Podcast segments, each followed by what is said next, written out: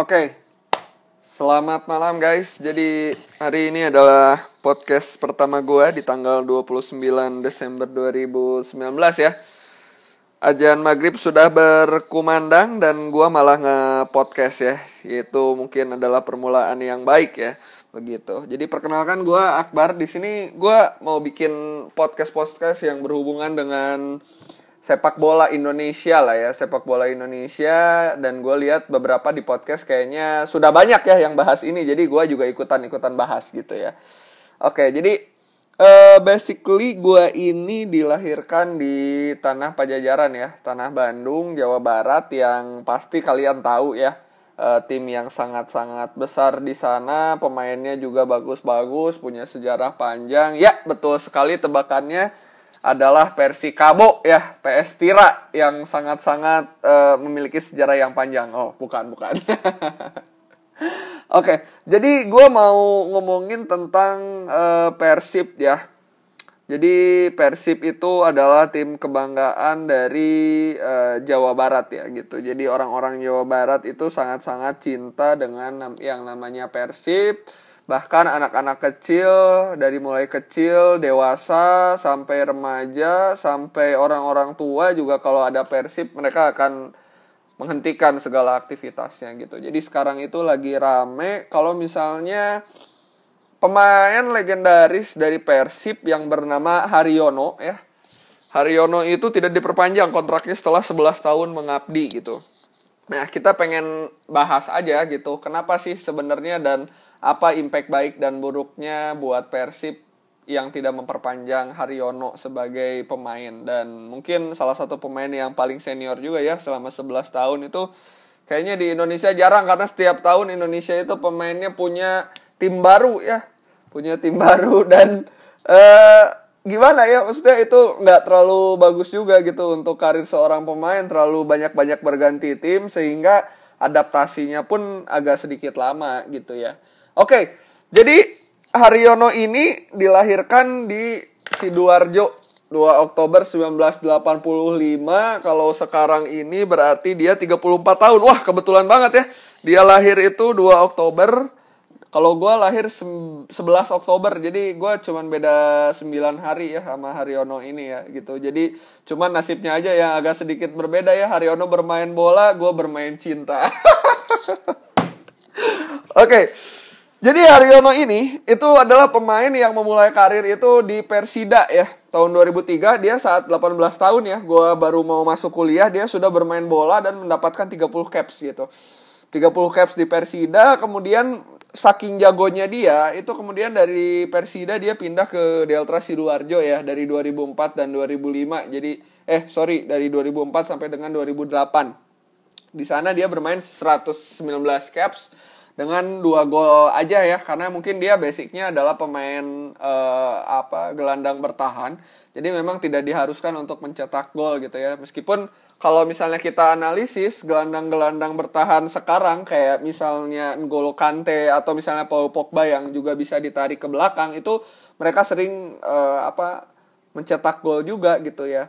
Tapi mungkin Haryono ini lebih ke tipikal-tipikal permain gelandang bertahan itu yang memang uh, gelandang bertahan yang belum terlalu modern ya kalau berdasarkan analisis gue. Jadi masih uh, gelandang bertahan yang bertahan secara konvensional gitu. Jadi dia lebih fokus untuk bertahan tapi sesekali juga dia uh, memberikan asis seperti asis pada saat dia menghadapi PSM Makassar ya pada pertandingan terakhir Liga 1 2019 ini dia memberikan umpan yang bagus gitu kepada Ezekiel uh, Duasel gitu ya.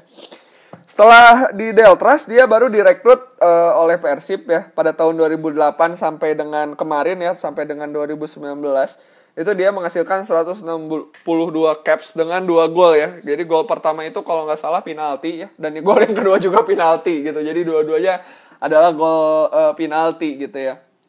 Nah, uh, jadi pada saat Haryono masuk itu dia dihadapkan dengan para pemain yang mix lah ya. Para pemain legenda Indonesia pada saat itu di kiper ada tuh Tema Mursadat gitu kan dan Cecep Supriyatna juga. Di belakang dia kerjasamanya dengan Maman Abdurrahman gitu kan dan ada Nova Arianto juga dan Wildansa juga yang masih aktif sekarang. Dan pada saat itu ada Nyek Nyobe gitu. Jadi posisi pada saat uh, Haryono masuk itu memang uh, kondisi bertahan kita itu sebenarnya ya cukup kompak ya. Maksudnya cukup merata gitu. Jadi kalau misalnya katakanlah Maman nggak bisa main pada saat itu bisa juga digantikan sama uh, yang lain gitu kayak Waluyo gitu ada juga di sana. Ada juga Chandra Yusuf Ahmad gitu ya. Ini ini saya juga nggak kebayang sih Chandra Yusuf Ahmad itu yang mana ya. Mungkin udah nggak nggak bermain sekarang gitu ya dan di sana juga ada Nyek Nyobe ya yang pada saat itu kalau menurut saya ada langkah yang sangat-sangat nggak bagus itu dibuat oleh manajemen Persib pada saat itu di mana uh, formasi tim itu udah oke okay, kemudian Nyek Nyobe kalau nggak salah di sini dipinjamkan ya atau di di musim berikutnya gitu. Nah, dari sisi depan juga Haryono pada saat itu bekerja sama dengan uh, pemain-pemain legendaris Persib juga ya kayak Christian Gonzalez gitu yang uh, pada saat itu dipinjamkan dari Persib ke Diri. Kemudian di sana juga ada Hilton Moreira yang penetrasinya itu sangat bagus ya. Jadi setelah uh, ada Hilton Moreira juga dan di sana juga pada saat itu Erlangga dan Jenal Arif juga mainnya waktu itu lagi bagus lah gitu ya dan di sana juga ada Suita Pata gitu. Jadi Haryono itu pada saat itu e, bermain pairingnya adalah dengan si Eka Ramdhani, kemudian ada Suita Pata juga gitu ya. Nah, pada saat itu sih sebenarnya karakter Haryono itu ya masih e, belum terlalu kelihatan ya kalau menurut gue ya karena gue juga lupa-lupa ingat ya karena pada saat itu gue masih kecil gitu ya. ya. Uh, nah, di musim berikutnya sebenarnya Haryono juga bermain masih ya. Jadi pemain-pemainnya itu masih uh, sama juga cuman pada saat itu Persib mendatangkan uh, pemain Jepang ya. Namanya Satoshi Otomo ya. Satoshi Otomo yang sering gocek kanan, gocek kiri tapi nggak pernah masuk-masukin bola gitu ya. Nggak tahu deh ini pemain pernah masukin bola atau enggak gitu kan. Cuman dari sisi tengah pada saat itu ada tetap masih ada Eka Ramdhani juga. Terus di sana juga ada Munadi yang kalau nggak salah uh, pindah ya setelah uh, Liga musim 2009 sampai 2010 itu. Kemudian di depan di sini ada duet uh, maut ya pada saat itu Budi Sudarsono, Christian Gonzalez dan Hilton Moreira gitu yang yang cukup baik pada saat itu. Nah, ini juga sebenarnya pada saat itu saya juga berharap Persib bisa jadi juara ya. Cuman kayaknya nggak nggak juara terus gitu dari 2008 2009 kemudian di 2010-nya juga musim LSI 2010 2011 juga nggak juara lagi gitu ya padahal udah mendatangkan banyak pemain gitu kayak kiper ada siapa namanya ada Marcus Hodison yang nikah sama Kiki Amelia ya kemudian ada juga dari siapa ini pemainnya oh Bayi Haki Kaizan ya pada saat itu Bayi Haki Kaizan dan kalau nggak salah di depan itu kita ada Noh Alamsah juga, kemudian ada Isnan Ali juga. Itu pemain-pemain yang didatangkan oleh Persib dan berharap Persib itu bisa e, menjadi juara. Dan pada saat itu juga ada Sadil Ishak gitu ya. Ini pada saat Persib bermain di LSI 2010-2011 gitu ya. Cuman ya gagal juara lagi gitu kan dengan pelatih Dani Rukito. Aduh gagal lagi, gagal lagi gitu kan pada saat itu saya sampai berpikir aduh apa saya berhenti aja gitu kan mendukung Persib tapi ya karena saya ini adalah uh, dilahirkan di Jawa Barat gitu ya dan klub terbesar di sana adalah Persib makanya ya saya tetap uh, mendukung Persib lah gitu kemudian apalagi ya yang diingat dari Haryono masih dia setia aja gitu dari mulai tadi 2008 didatangkan, 2009 gak juara, 2010 gak juara, 2011 gak juara, 2012 juga gak juara ya. Jadi terus-terus aja gitu gak juara gitu, pemain-pemain aja berdatangan ya. Jadi ya Haryono masih tetap setia ya, masih tetap setia sampai dengan 2013 dan 2014 ini mulai terbentuk. Mulai terbentuk tim yang lebih solid lah gitu dengan mendatangkan beberapa pemain yang tahun sebelumnya itu uh, membuat Sriwijaya FC itu menjadi juara. Pemain-pemain kayak Ahmad Jufrianto, Supardi Nasir, Muhammad Ridwan, Tony Sucipto gitu ya dan Vladimir Fujovic. Ada juga makan Konate di sana gitu kan, uh, Firman Utina dan di sisi depan itu ada Jibril Kolibali dan Ferdinand Sinaga dan juga Tantan gitu. Nah, pada tahun 2013 ini sebenarnya karakter dari permainan Haryono dari awal itu nggak berubah gitu ya, masih tetap sebagai gelandang bertahan yang uh, tugas fokus utamanya itu adalah memutus serangan lawan lah atau kalau kata di TV-TV mah adalah gelandang uh, pengangkut air gitu ya. Kenapa pengangkut air nggak pengangkut batu gitu kan? Itu yang jadi pertanyaan saya juga. Kenapa nggak pengangkut batu gitu? Karena sebenarnya kan air sama batu itu lebih beratan mana? Lebih beratan batu kan, gitu. Nah, cuman balik lagi ke Persib gitu ya pada saat 2013 dan 2014 itu masih belum juara cuman dari sisi susunan tim itu sudah mulai kompak ya udah mulai bagus gitu kerjasamanya kerjasamanya juga udah mulai bagus kedalaman timnya juga udah mulai bagus juga sehingga pada tahun 2015 lah itu Haryono bisa membawa Persib juara ya lewat uh, final melawan Persipura yang awalnya itu saya kira bakal jadi seri 2-2 cuman pada akhirnya menang adu penalti dengan tendangan terakhir dari Ahmad Jufrianto gitu. Jadi kalau dilihat dari skuad pemain, skuad Persib pada saat 2015 itu memang lebih bagus gitu karena diisi dengan uh, kedalaman skuadnya itu uh, lebih bagus gitu. Jadi variasi yang dimainkan oleh uh, pelatih Jajang Nurjaman pada saat itu variasinya tuh bisa banyak gitu. Jadi misalnya pada saat uh, Haryono nggak bisa main gitu, jadi Deddy Kusnandar bisa agak masuk jadi uh, defending midfielder, kemudian dari central midfieldernya itu bisa dari Firman Utina gitu dan Makan Konate gitu.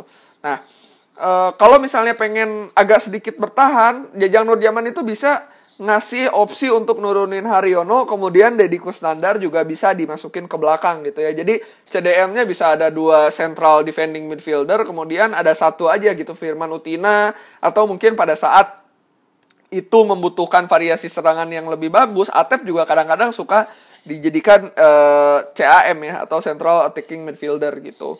Dan dari sisi depan juga cukup bagus gitu pada saat itu di mana ada Ferdinand Sinaga, kemudian ada juga diisi sama Emre Tuan yang memang jadi soulmate sejatinya dari Supardi Nasir gitu ya di sebelah kanan.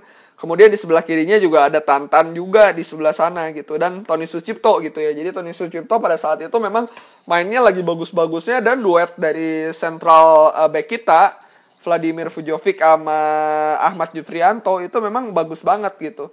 Jadi ya pada saat itu wajar banget lah bisa juara karena dari sisi kedalaman tim itu memang uh, udah sangat-sangat bagus dibandingkan tim lain. Gitu.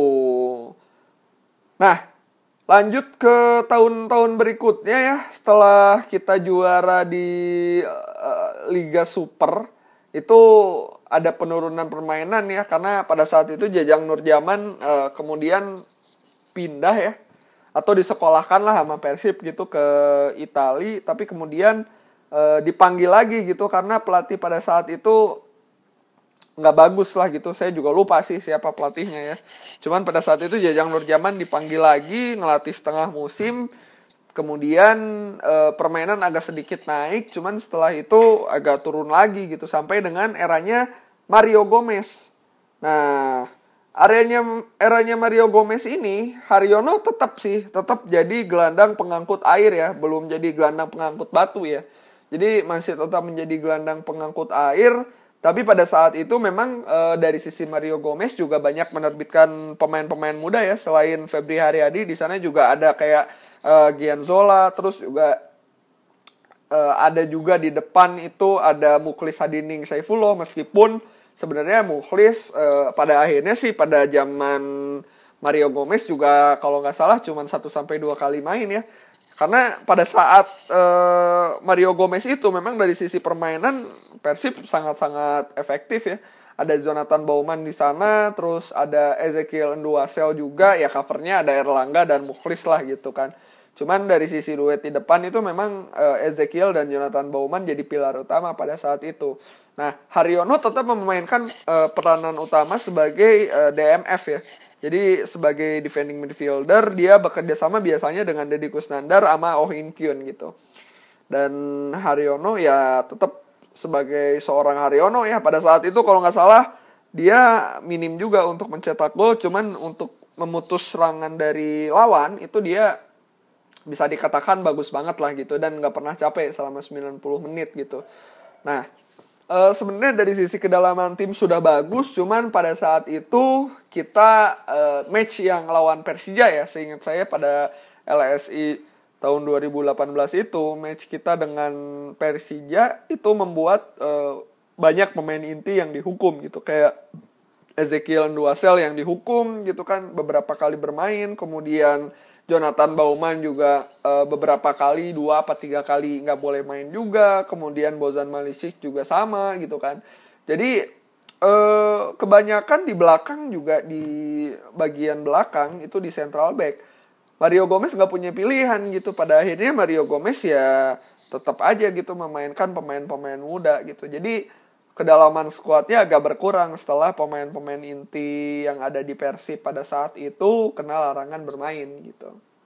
Nah, di 2019 ini sebenarnya Persib di putaran kedua itu bagus banget ya. Maksudnya dari sisi permainan nggak goreng-goreng amat lah muncul orang Sunda mah gitu nggak terlalu jelek-jelek amat gitu.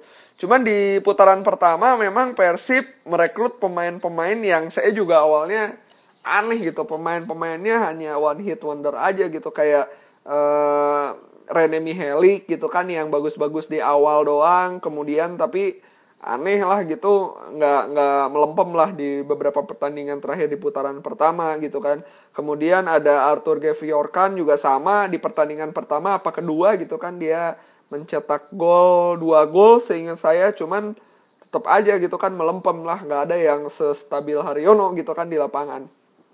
Nah, e, dari putaran pertama itu sebenarnya kan pelatih Persib itu adalah Miljana Radovic ya. Radovic pada saat itu direkrut dengan harapan bisa memberikan permainan cantik gitu ya. Jadi ya cantik sih sebenarnya permainan tapi buat apa kalau kalah gitu kan? Karena permainan bola itu filosofinya yang penting gimana cara bermainnya ya yang penting menang gitu kan. Pada akhirnya mau main cantik mau main jelek juga kalau misalnya menang mah supporter happy gitu.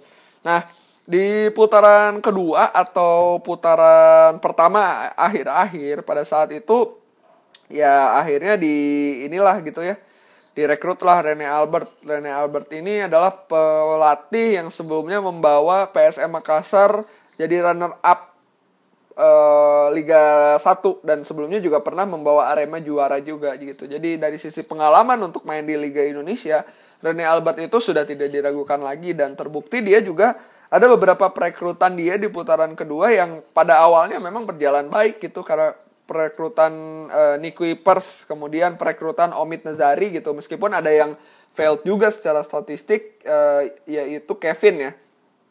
Kevin itu mungkin tidak diperpanjang juga kontraknya karena dari sisi performance memang dia nggak terlalu menunjukkan stabilitas yang baik gitu dan pada zaman Rene Albert ini Haryono memang ya jarang dimainkan ya karena memang sudah diisi gelandang-gelandang yang memang tipikalnya Rene Albert banget gitu tipikal gelandang-gelandang yang lebih baik dalam mendistribusikan bola ke depan gitu. Jadi Ezekiel Duasel itu memang harus di serve lah gitu. Di sebelah kiri tetap masih ada uh, gantian ya di sebelah kiri itu masih ada kadang Febri Haryadi juga ada di sebelah kiri atau sebelah kanan dan Gozali Siregar nah betul Gozali Siregar atau uh, Fred Subutuan ya yang ada di depan lini depan Persib uh, di tahun 2019 ini gitu. Jadi overall permainan sih sebenarnya kalau menurut gue di 2019 ini Persib uh, meningkat ya di putaran kedua terutama Cuman memang agak telat panasnya sih di putaran kedua ini dibandingkan dengan putaran yang pertama karena putaran pertama itu banyak kehilangan poin baik di laga uh, kandang ataupun pada saat itu di laga uh, tandang gitu. Cuman memang kalau misalnya bicara balik lagi ke Haryono ya, secara analisis memang Haryono dari jumlah pertandingannya di putaran kedua atau di Liga 1 tahun 2019 ini menurun dibandingkan zamannya Jajang Nurjaman gitu. Jadi ya memang tipikal pelatih berbeda-beda ya. Kita juga nggak bisa apa menyalahkan kebijakan dari Rene Alberts untuk tidak memperpanjang kota Karyono karena based on berita-berita yang saya baca itu ya karena Rene Albert menganggap kita harus memberikan kesempatan kepada pemain muda gitu untuk memberikan jam terbang kepada uh, pemain-pemain muda kayak uh, Gian Zola gitu kan mungkin ada pemain-pemain muda lain yang direkrut dan yang lebih muda juga gitu. Jadi ya itu menurut saya hak prerogatif dari seorang Rene Albert sebagai pelatih. Dan Haryono juga sudah mendapatkan farewell yang sangat-sangat layak lah gitu ya sebagai seorang legenda yang sudah 11 tahun dari zaman saya SD sampai saya sekarang sudah bekerja memperkuat Persib. Jadi ya kalau menurut saya sih nggak apa-apa lah gitu. Haryono juga pemain yang bagus dan terbukti kemarin atau dua hari yang lalu Haryono juga kan sudah mendapatkan klub baru yaitu Bali United ya gitu. Dan memang mungkin Haryono sudah menjadi legenda di Persib dan memang diminatin oleh uh, pelatih Bali United ya Stefano Kyugura gitu ya. Jadi kalau menurut saya sih tetap semangat aja buat Haryono untuk tetap berkarir karena umur 34 mungkin dia bisa berkarir 2-3 tahun lagi gitu kan atau siapa tahu Bali United bisa juara lagi gitu kan seperti tahun ini gitu kan dan bisa memperkuat kedalaman squad dari Bali United. Dan untuk Persib yang memang punya visi mengembangkan pemain-pemain muda ya itu adalah pilihan yang terbaik juga saat ini gitu. Asalkan ya memang kita ngasih penghargaan kepada pemain legenda seperti Haryono Gitu guys. Oke, segitu dulu pembahasan di podcast pertama gue tentang Haryono ya. Jadi intinya sih kalau gue yang penting Persib e, menang lah gitu ya. Karena banyak legenda juga berkata lah misalnya Persib itu namanya sebuah klub itu namanya akan selalu lebih besar daripada pemainnya gitu. Jadi kita ya boleh menghargai pemain itu adalah sebuah keharusan. Tapi kita juga harus mengedepankan kepentingan dari klub itu sendiri which is Persib Bandung yang memang kita cintai bersama. Oke okay, guys, gitu dulu review gue di podcast pertama ini. See you later.